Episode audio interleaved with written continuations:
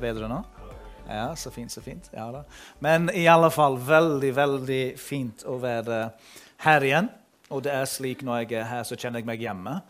Både med dere og på stedet. Så det er alltid, alltid veldig veldig oppmuntrende for meg sjøl å være her. Og det er vel sånn det skal være. At man kjenner både begge veier at det er til gjensidig oppmuntring. Så, um, så, så takk igjen, Magnus, for innbydelsen. Hvis du har Bibelen med deg, så kan du slå opp i Lukas evangeliet kapittel 10. Vi skal lese en, en, veldig kjent tekst, og så skal vi forsøke å trekke ut læringen som fins i den teksten sammen i Jesu navn.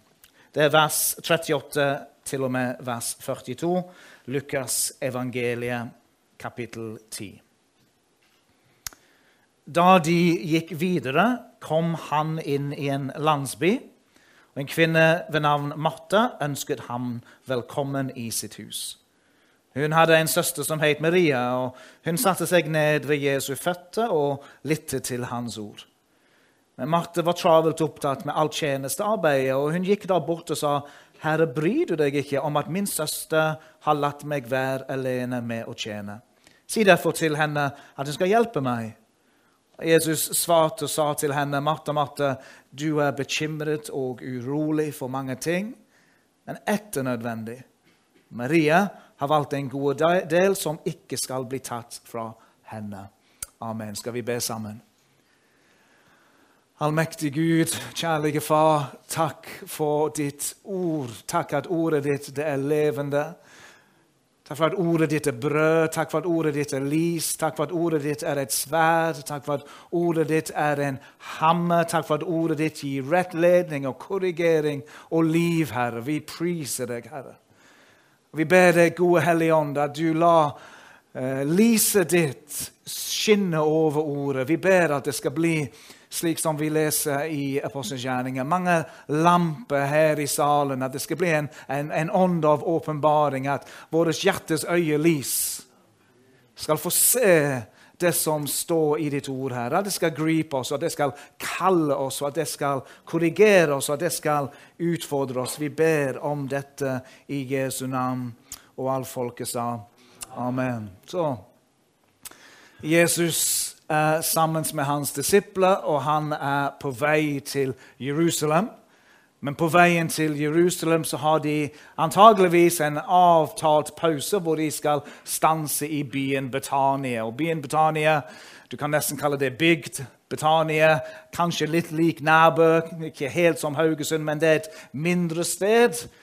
Helt vanlige mennesker. som eh, Det pleier ikke å skje så veldig store ting, men i alle fall på den plassen hvor Jesus sammen med disiplene skal stoppe. Og Der hvor de skal stoppe, er et helt gjennomsnittlig vanlig hus med to søstre, Marte og Maria. Og Hadde vi stått på utsiden og sett inn gjennom vinduet i dette huset, så hadde vi tenkt at her skal det skje noe betydningsfullt. For her var det mye liv og mye bevegelse og mye som holdt på å forberedes. Og det var noe av stor betydning som skulle skje. Jesus sammen med disiplene hadde blitt invitert til mat og hvile. Og dermed ble det en stor hendelse som skulle skje hjemme hos Marte og Marie. Så Vi tar oss et lite steg inn i huset, og vi er på kjøkkenet. og Så ser vi da at Marte og Marie de har grønnsakene ute, og de holder på å gjøre de klart. På hvilken måte det vet vi ikke helt, men de i alle fall gjorde maten klar. De gledde seg selvfølgelig til at Jesus og disiplene skulle besøke. Huset var rent, ryddig, hovedsakelig det meste var klart. Og jeg kan se for meg at to søstrene hadde en hyggelig prat og gledde seg veldig med forventningsfull stemning på kjøkkenet om at eh, om noen timer snart er Jesus hos oss. Og mens de småprater og maten varmes opp eller kokes, eller hva, og kjøkkenet fylles med en nydelig døft av Midtøstens mat, krydder og smak, så bankes det på døren. Og da kikker begge søstrene på seg eh, på hverandre og sier Oi, det var litt tidligere. Det var ikke så tidlig at Jesus skulle komme her. Det var mange timer, men i alle fall skjønner vi at det må jo være tidligere enn beregnet, tidligere enn forventet. Og Marie snur seg til Marte og sier, 'Marte, jeg, jeg tar meg av dette. Jeg, jeg kan uh, ta de inn og lage litt stemning og småprate med de i stua. Og så kan du gjøre resten klart, og søstrene blir enige seg imellom om fordelingen. Så går Maria til døren og tar imot gjestene. Og så begynner de med denne gode småpraten som det ofte er når man får gjester inn i et hus og inn i en stue. De småprater så fint, men det tar ikke lang tid før småpraten forflyttes eller veksles over til at rabbien begynner å undervise. Jesus benytter muligheten og anledningen til å dele visdom, undervisning, sannheter. Og Maria er da litt hva gjør jeg nå? Hun vet at hennes søster er på kjøkkenet. Hun vet at det fortsatt er en del arbeid igjen. Hun hører kanskje til og med jeg vet ikke, skap eller slike ting, men i alle fall at det er liv på kjøkkenet. det hører hun helt sikkert. Da er hun dratt mellom ja, skal jeg bli her, eller skal jeg gå inn til min søster og hjelpe henne. Og Marie lander på nei, jeg setter meg ned med Jesus sine føtter. Jeg vil også lytte til hva rabbien vil si til oss. Og Da skjer det selvfølgelig noe som, eh, som eh, vi vet fra teksten at det er noe bra som Marie velger. Men Marte, derimot, hun kikker inn gjennom eh, en gløtt gang eller et eller annet. Hun ser innover og tenker i alle dager er det bare jeg som syns det er noe feil med situasjonen her. Her er det jeg da som står igjen med alt av arbeidet, men min skjønne søster hun sitter med føttene til Jesus. Det her går ikke an. Det er noe som ikke stemmer. Det er denne teksten som vi skal åpne opp, brette ut, trekke ut det som ligger i eh, teksten. Det er kort, det er utfordrende, og det er dyp. Og Hvis vi skal oppsummere hele prekenen min med et par setninger nå, så er det dette. At læringen for vi som tror på Jesus, læringen for disiplene, er den viktigste prioritet i en disippels liv, er å sitte ved Jesus sine føtter. Altså at tilbedelse og overgivelse til Jesus er det viktigste gjerning, om du vil, valg, stilling, posisjonering en disippel kan gjøre, det er å sette seg for Jesus sine føtter. Vi skal snakke om dette fra tre forskjellige vinkler. Det første er dette at den viktigste prioritet, det blir vist. Den viktigste prioritet, det blir vist.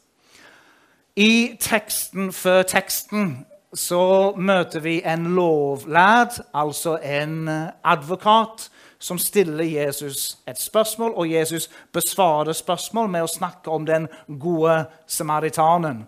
Og Når du kommer til slutten av Jesus sin, eh, sin undervisning om den gode samaritanen, så sier Jesus, 'Gå nå dere og gjør likeså'. Det er på en måte poenget, oppsummeringen av undervisningen om den gode samaritanen. Det er 'gå nå og gjør likeså'. Eller hvis vi skal snakke litt sånn vanlig språk, så er det nå må du bare gjøre noe. Bare, ikke bare se på. Sett i gang og gjør noe. Og hvis vi skal oppsummere denne teksten med en like kort setning, så er det ikke bare gjør noe, men sett deg ned. Det er poenget til Jesus i denne teksten. Ikke bare gjør noe, men sett deg ned. Jeg har hørt mange prekener om Marte og Marie. Og jeg må innrømme at jeg føler ikke alltid at Marte kommer så veldig godt ut av dette. Det er ganske mange ganger, selv om jeg har hørt de som forsøker å balansere det med at man trenger både Marte og Marie, og vi har alle en Marte og Marie i oss, likevel så føler jeg, uansett hvordan man forsøker ofte å vinkle det gjennom slike prekener, så føler jeg at Marte hun kom ikke så veldig godt ut av det. Men vi må, før vi snakker om de siste versene i denne teksten, si at Marte var ei flott kvinne. det. Marte var en kvinne som elsket Jesus. Marte var en kvinne som trodde på Jesus. Marte var en kvinne som ville åpne sitt hjem. Marte var en kvinne som ville tjene Jesus, forberede mat til Jesus. Ja, vi skal gi Marte litt applaus, litt skryt for de gode kvaliteter som fins hos Marte. Vet at Marte er søsteren til Maria. Vi vet også at Marte er søsteren til Lasarus, som vi leser litt mer om i Johannes evangeliet. Denne familien kjenner vi til. Det er Marte sine ord som vi møter litt av i teksten. Maria hører vi ikke fra i forhold til ordene hennes, men Maria sitt budskap er i handlingen hennes.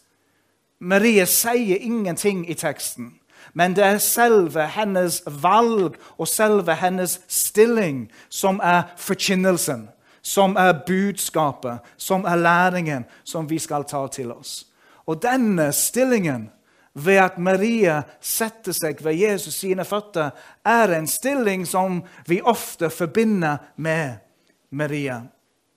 Maria, hun, når hun møtte Jesus etter at hennes bror hadde dødd, så finner vi at når Jesus kommer til Marte og Maria, så kaster Maria seg ned ved Jesus sine føtter.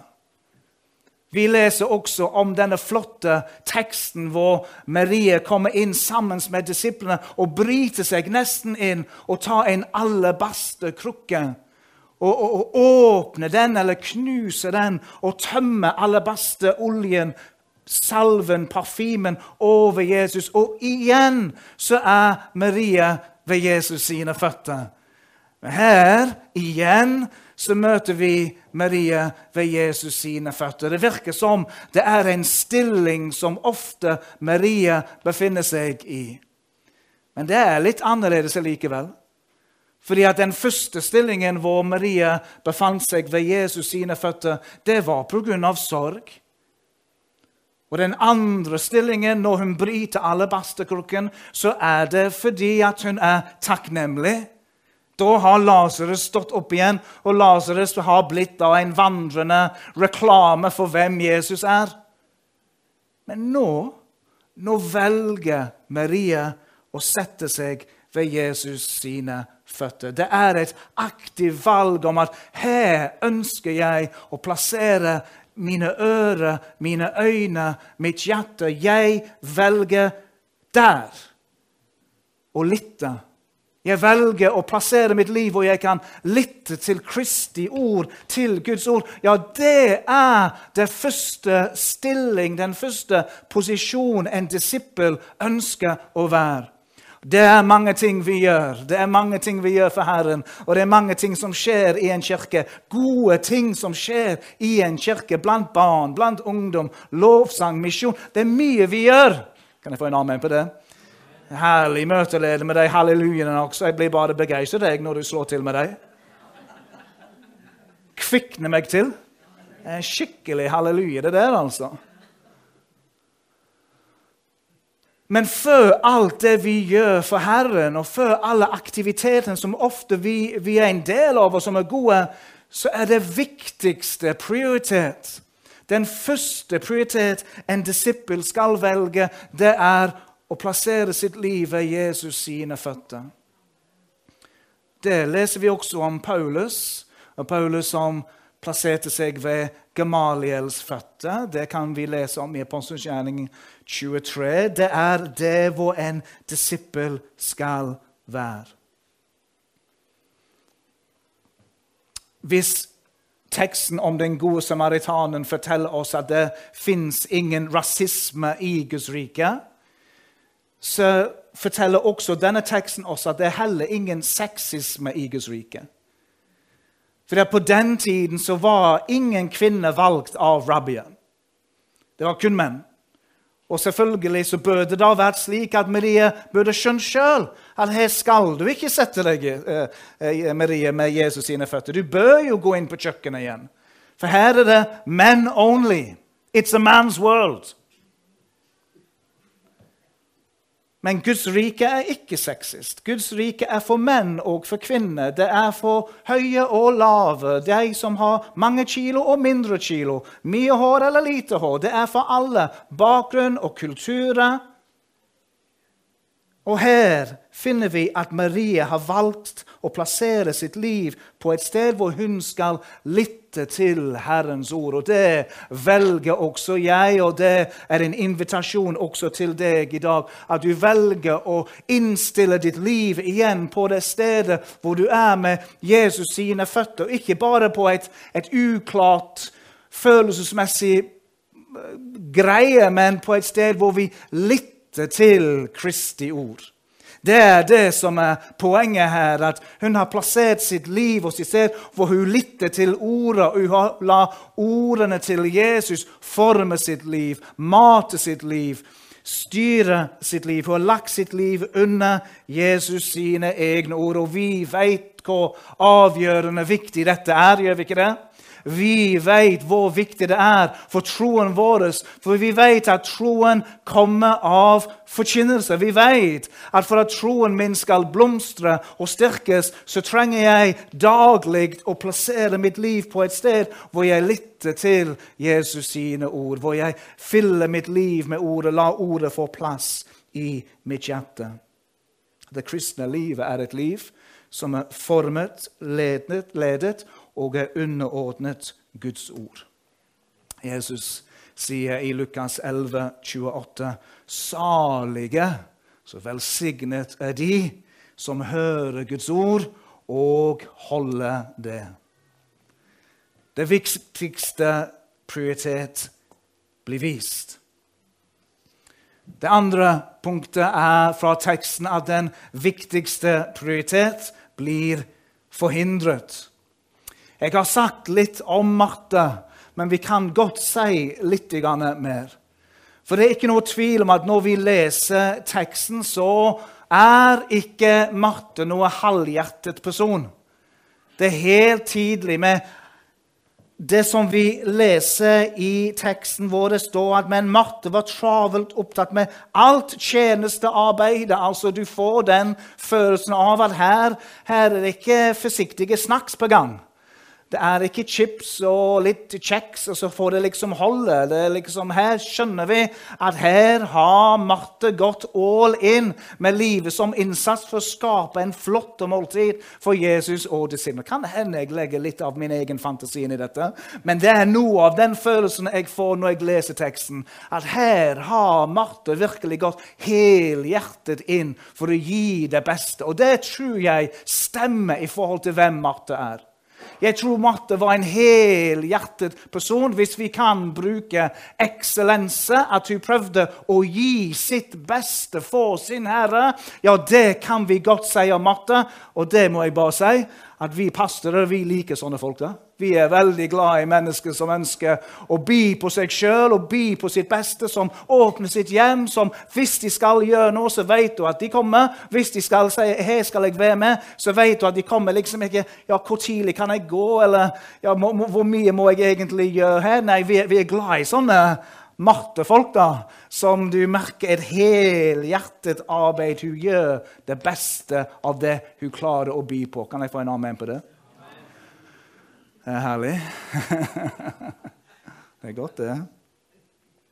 Men det er klart at selv om hun har en god start, så skjer det noe med Marte gjennom det som skjer i huset hennes.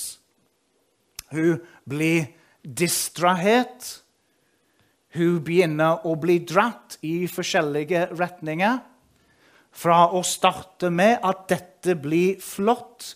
Tenk at vi kan åpne vårt hjem for Jesus. Her skal han få mat, her kan han hvile før han skal inn til Jerusalem. Det er sikkert viktige ting som skjer der, men vi kan by på dette. Så merker vi at det skjer noe med hennes fokus. Det skjer noe med hennes egne tanker om det som skjer, både om Maria og om Jesus. Vi merker at Marie nå begynner å bli overveldet av tjenesten. Kan nesten si at det å tjene her og arbeide etter hvert har begynt å bli en byrde for Matte.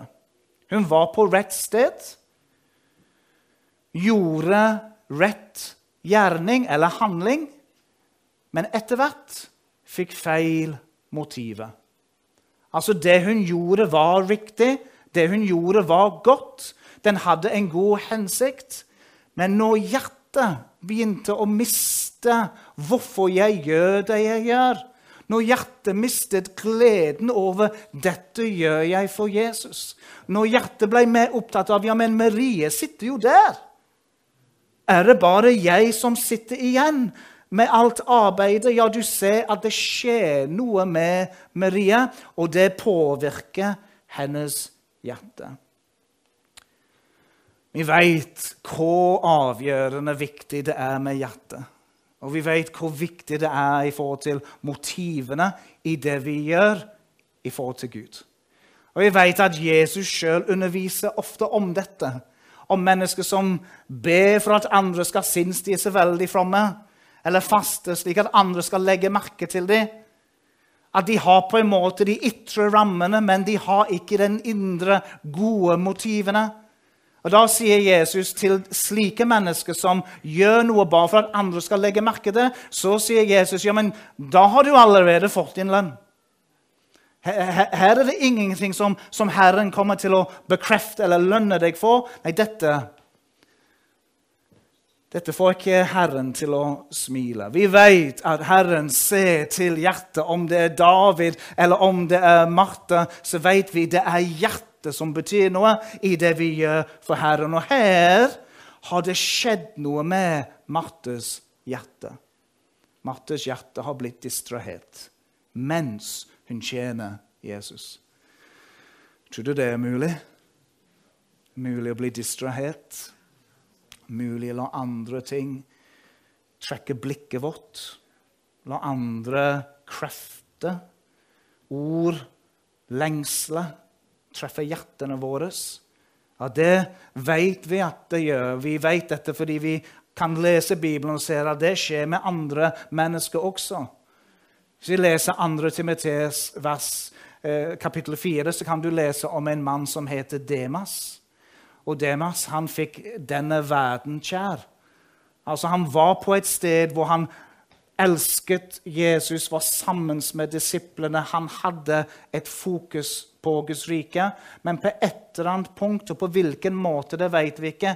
Men vi vet at det beskrives slik at han fikk denne verden kjær. Denne verdens nytelse, denne verdens muligheter, kanskje.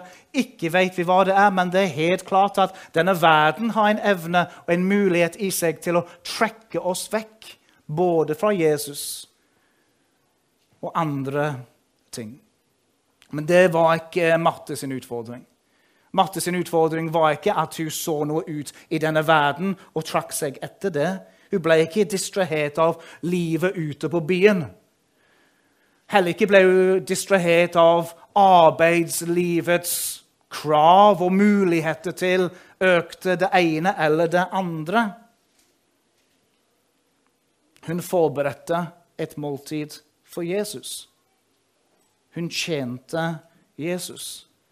Og mens hun tjente Jesus, så glemte hun det viktigste av alt. Og hva var det? Jo, det var at Jesus var der. Hun var der for å tjene Jesus. Hun hadde tatt imot Jesus i sitt hjem, men mens hun tjente Jesus, så ble hun distrahert. Og Jesus på mange måter da ble bare også noe som ble et problem også noe som hun trengte å korrigere og sette på plass. For han skjønte egentlig ikke alt likevel. Hun hadde blitt distrahert. Det er et vers som eh, ikke handler om dette, men det sier igjen noe av det samme. Og det er i første Krinterbrev, kapittel 7.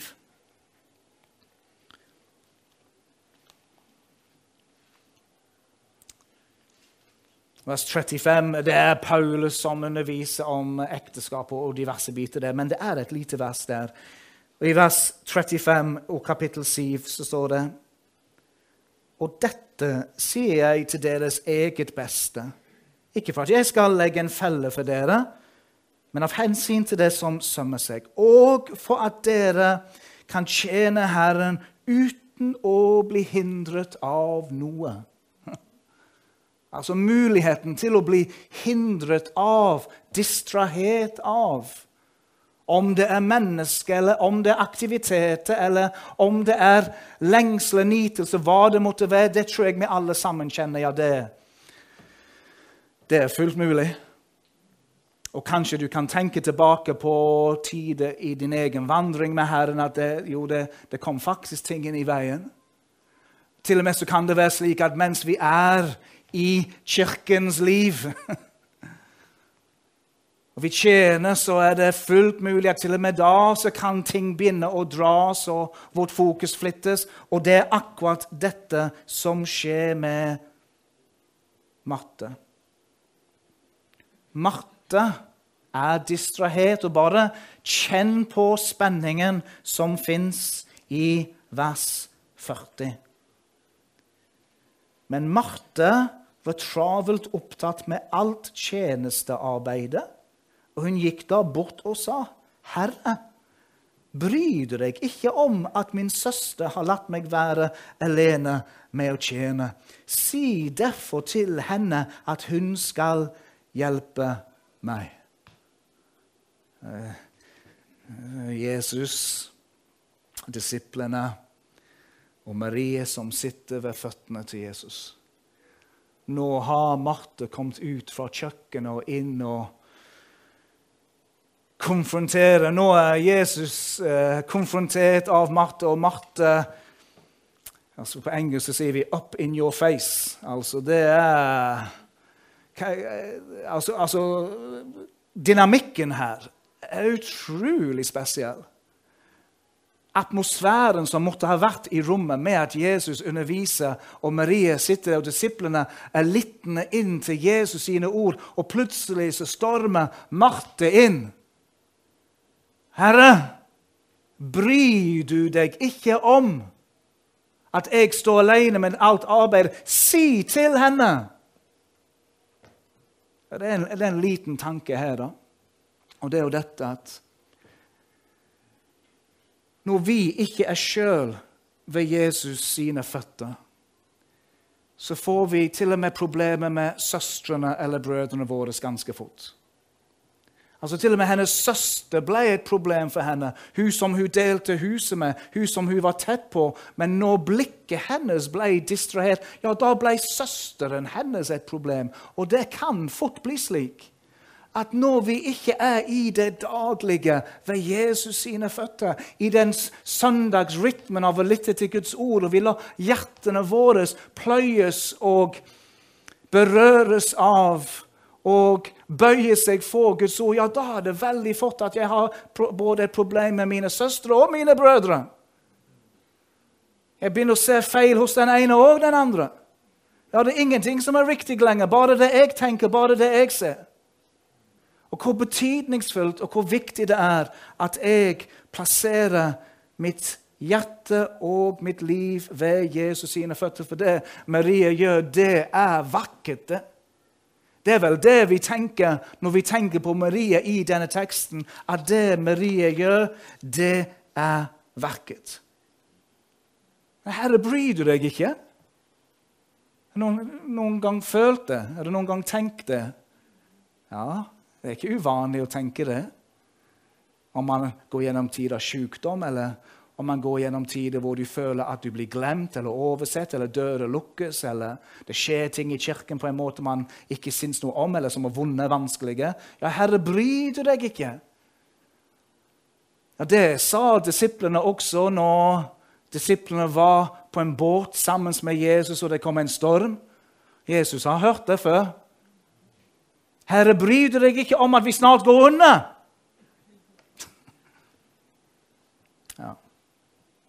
Begynte sin sim på seg sjøl. Så la oss svare, da. Hva er svaret? Herre, bryr du deg ikke? Hva er svaret?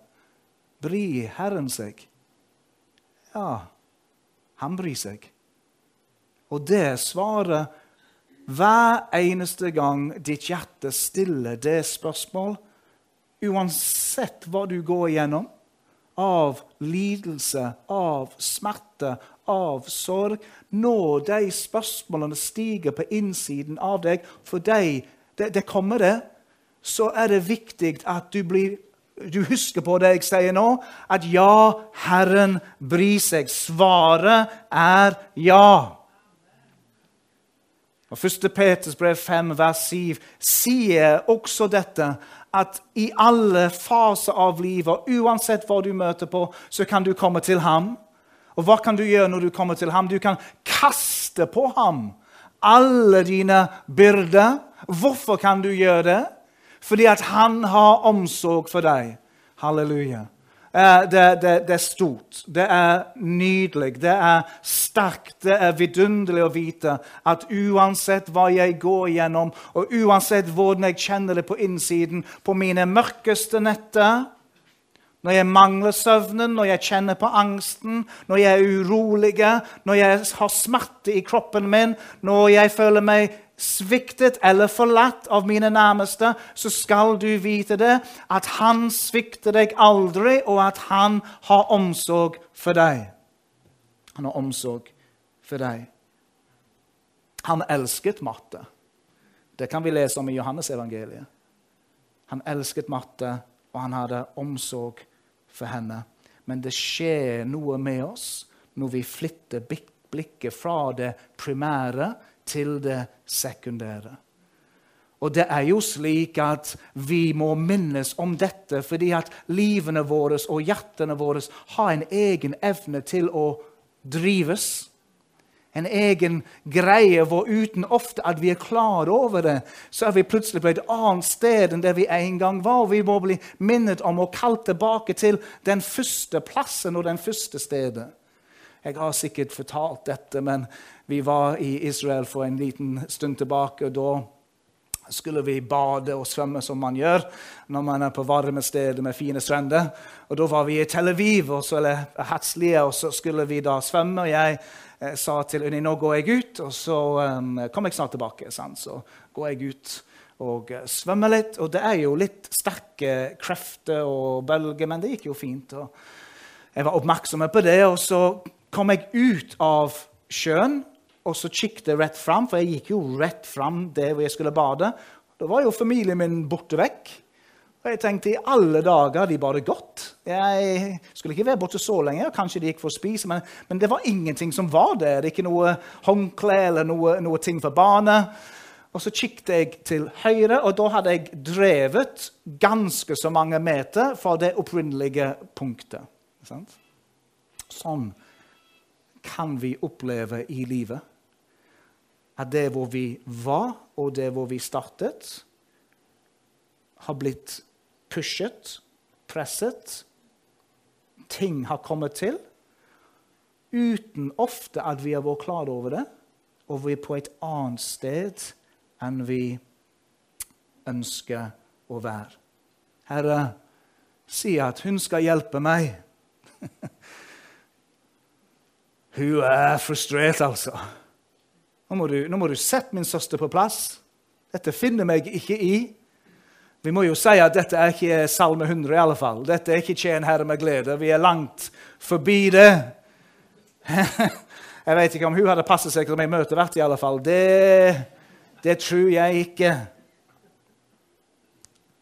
Dette går ikke så veldig bra. Hun føler at hun er blitt et offer for noe som er urettferdig. Og nå, Jesus, nå må du sette min søster på plass, og så må du sjøl skjønne hva som egentlig er viktig her. Det viktigste prioritet blir forhindret.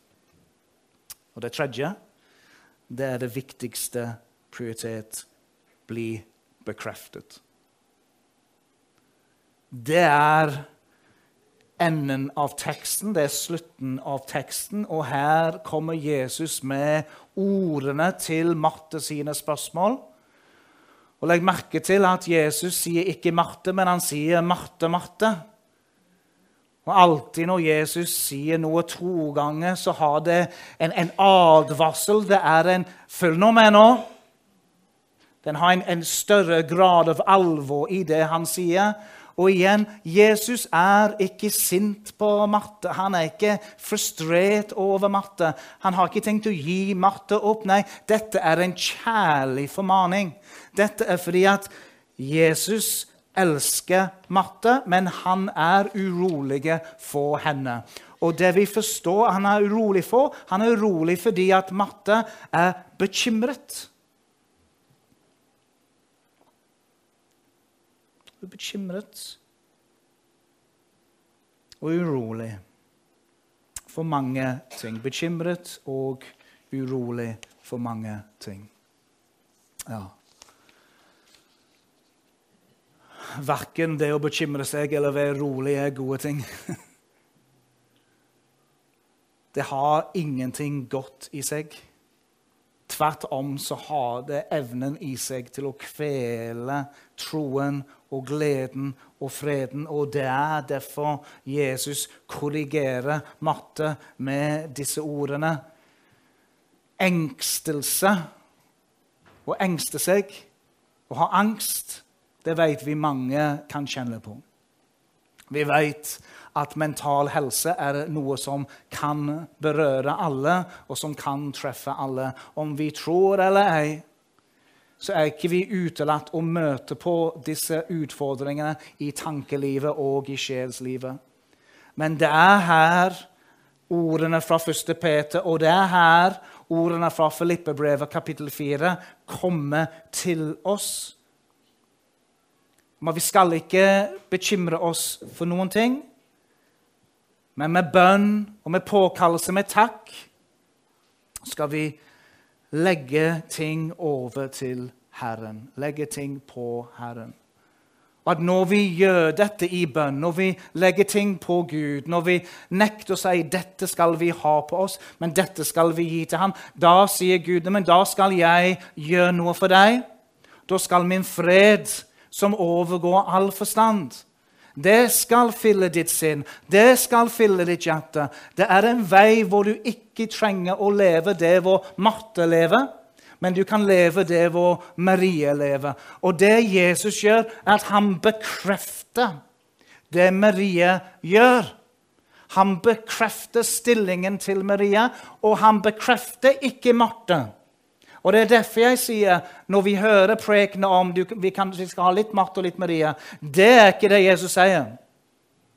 Jesus sier ikke litt, litt bra, Marte, men um, må du huske på dette. Nei, nei, nei. Jesus korrigerer Marte, og han sier det Maria har gjort, det er den gode del. Det er jo det du skal velge. Du skal lære av dette. La ikke ditt hjerte gripes av angst. Tro på Gud og tro på meg. Velg her. Velg det nødvendige matte. Velg det viktigste, velg det første prioritetet, Velg den første kjærligheten. Og der er på en måte spørsmålet til meg og spørsmålet til deg hva har du valgt? Har du valgt det viktigste? Har du valgt det mest nødvendige? Har du valgt å plassere ditt hjerte og ditt liv ved Jesus sine føtter? Er du der?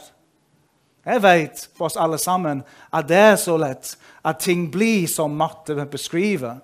Det er så lett at det blir travelt. Det er så lett at det er så mange ting. Ja, men det, det er bare for travelt akkurat nå. Men husk, Jesus kaller oss til å plassere oss ved føttene til Jesus, fellesskapet med Jesus, ordene til Jesus, tilbedelsen av Jesus. Har du valgt det? David valgte det. Én ting har jeg bedt Herren om at jeg skal bo i Herrens hus alle mine dager. David valgte dette. Den blinde mann i Johannes 9 han valgte dette. Ja, jeg veit ikke så mye, sier han, men én ting vet jeg. Jeg var blind, men nå ser jeg. Halleluja! Paulus han valgte det nødvendige igjen og igjen og igjen. Ikke det at jeg har grepet det, men jeg strekker meg etter det. Jeg strekker meg etter det som ligger foran. Maria har valgt den gode del. Hva vil du velge i dag? Ja, jeg vet at du velger Jesus. Jeg vet at du velger dette også, men jeg har lyst til å oppmuntre deg igjen til å innstille ditt liv og plassere ditt liv ved Jesus sine føtter. Ved å passe på at du har den tiden alene med Herren i hverdagen. Passe på at du tar til deg av Hans ord. Passe på at du lytter til Hans ord. Passe på at du er i en stilling av overgivelse og tilbedelse. Passe på at rytmen i gudstjenestelivet at den er viktig for deg, fordi at du vet at da blir mitt hjerte også berørt av Guds ord. Så vet jeg også at det er lett å drives. Det er lett å vandre litt av og til. Og dette budskapet kan også være et ord av oppmuntring og kall for deg også til å plassere igjen. Ikke la det å tjene Herren være en byrde. Ikke la livets bekymringer overvelde deg og feste seg på deg. Ikke bli grepet av angst eller uro, men si nei. Jeg velger å sette meg hos Jesus. Der vil jeg være. Og nyte av hans nærvær og drikke av hans ånd og lytte til Hans ord. Amen. Skal vi be sammen? Hvis alle bare lukker øynene, skal vi gi et lite øyeblikk til å kunne respondere. Fordi at Maria hun valgte det. Det er, det er ordet som brukes. Og Jeg har lyst til at vi skal også gi en, en anledning til å velge det. Så igjen, jeg velger dette. Jeg velger å si at dette er den viktigste prioritet for meg at jeg er ved dine føtter, Jesus. At jeg spiser av ditt ord, og jeg lytter til deg, og jeg tilber deg. Jeg velger dette. Du har lyst til å bare si 'jeg velger dette i dag', et, et enkelt gjensvar på det budskapet som du har hørt, så kan du løfte opp din hånd akkurat nå i Jesu navn. Veldig bra. Gud velsigne deg og deg og deg. Gud velsigne deg, Gud velsigne deg. Gud velsigne deg. Gud velsigne deg. Gud velsigne deg. Halleluja. Takk for at vi kan komme med vårt liv. Nå har vi vært sammen med Marte og Maria. Vi har sett begge to. Men vi ønsker å lære av Maria og lære av den stillingen og den posisjonen som hun plasserte sitt liv her. Også jeg vil igjen si, Herre, det, vil jeg være. Midt i barneoppdragelse, midt i det å være pappa og mann, midt i arbeidslivet, midt i alle ting som skjer, Herre, som lett kan ta fokus og oppmerksomhet borte fra deg, så velger vi igjen å plassere vårt liv ved dine føtter, Jesus. Igjen sier jeg skal velge det hemmelige stedet med deg i hverdagen. Velge å gå inn i lønnkammeret sammen med deg. Det hvor ingen andre ser. Herre, pass på hjertet mitt og motivene mine. Ikke la det å tjene deg bli en byrde for meg, men lær meg å kaste byrdene på deg, Jesus, fordi at du har omsorg for meg. Lær oss å komme til deg med bekymring og med angst og med byrdene, fordi du har omsorg. Takk for din fred som overgår all forstand. Jeg ber for deg som kjenner at hjertene har blitt slitne av det å tjene. Hjertene har blitt berørt av bekymringer i den siste tid, eller konkrete ting som lett kan være tungt å bære. Kom, Hellige Ånd, med din fred.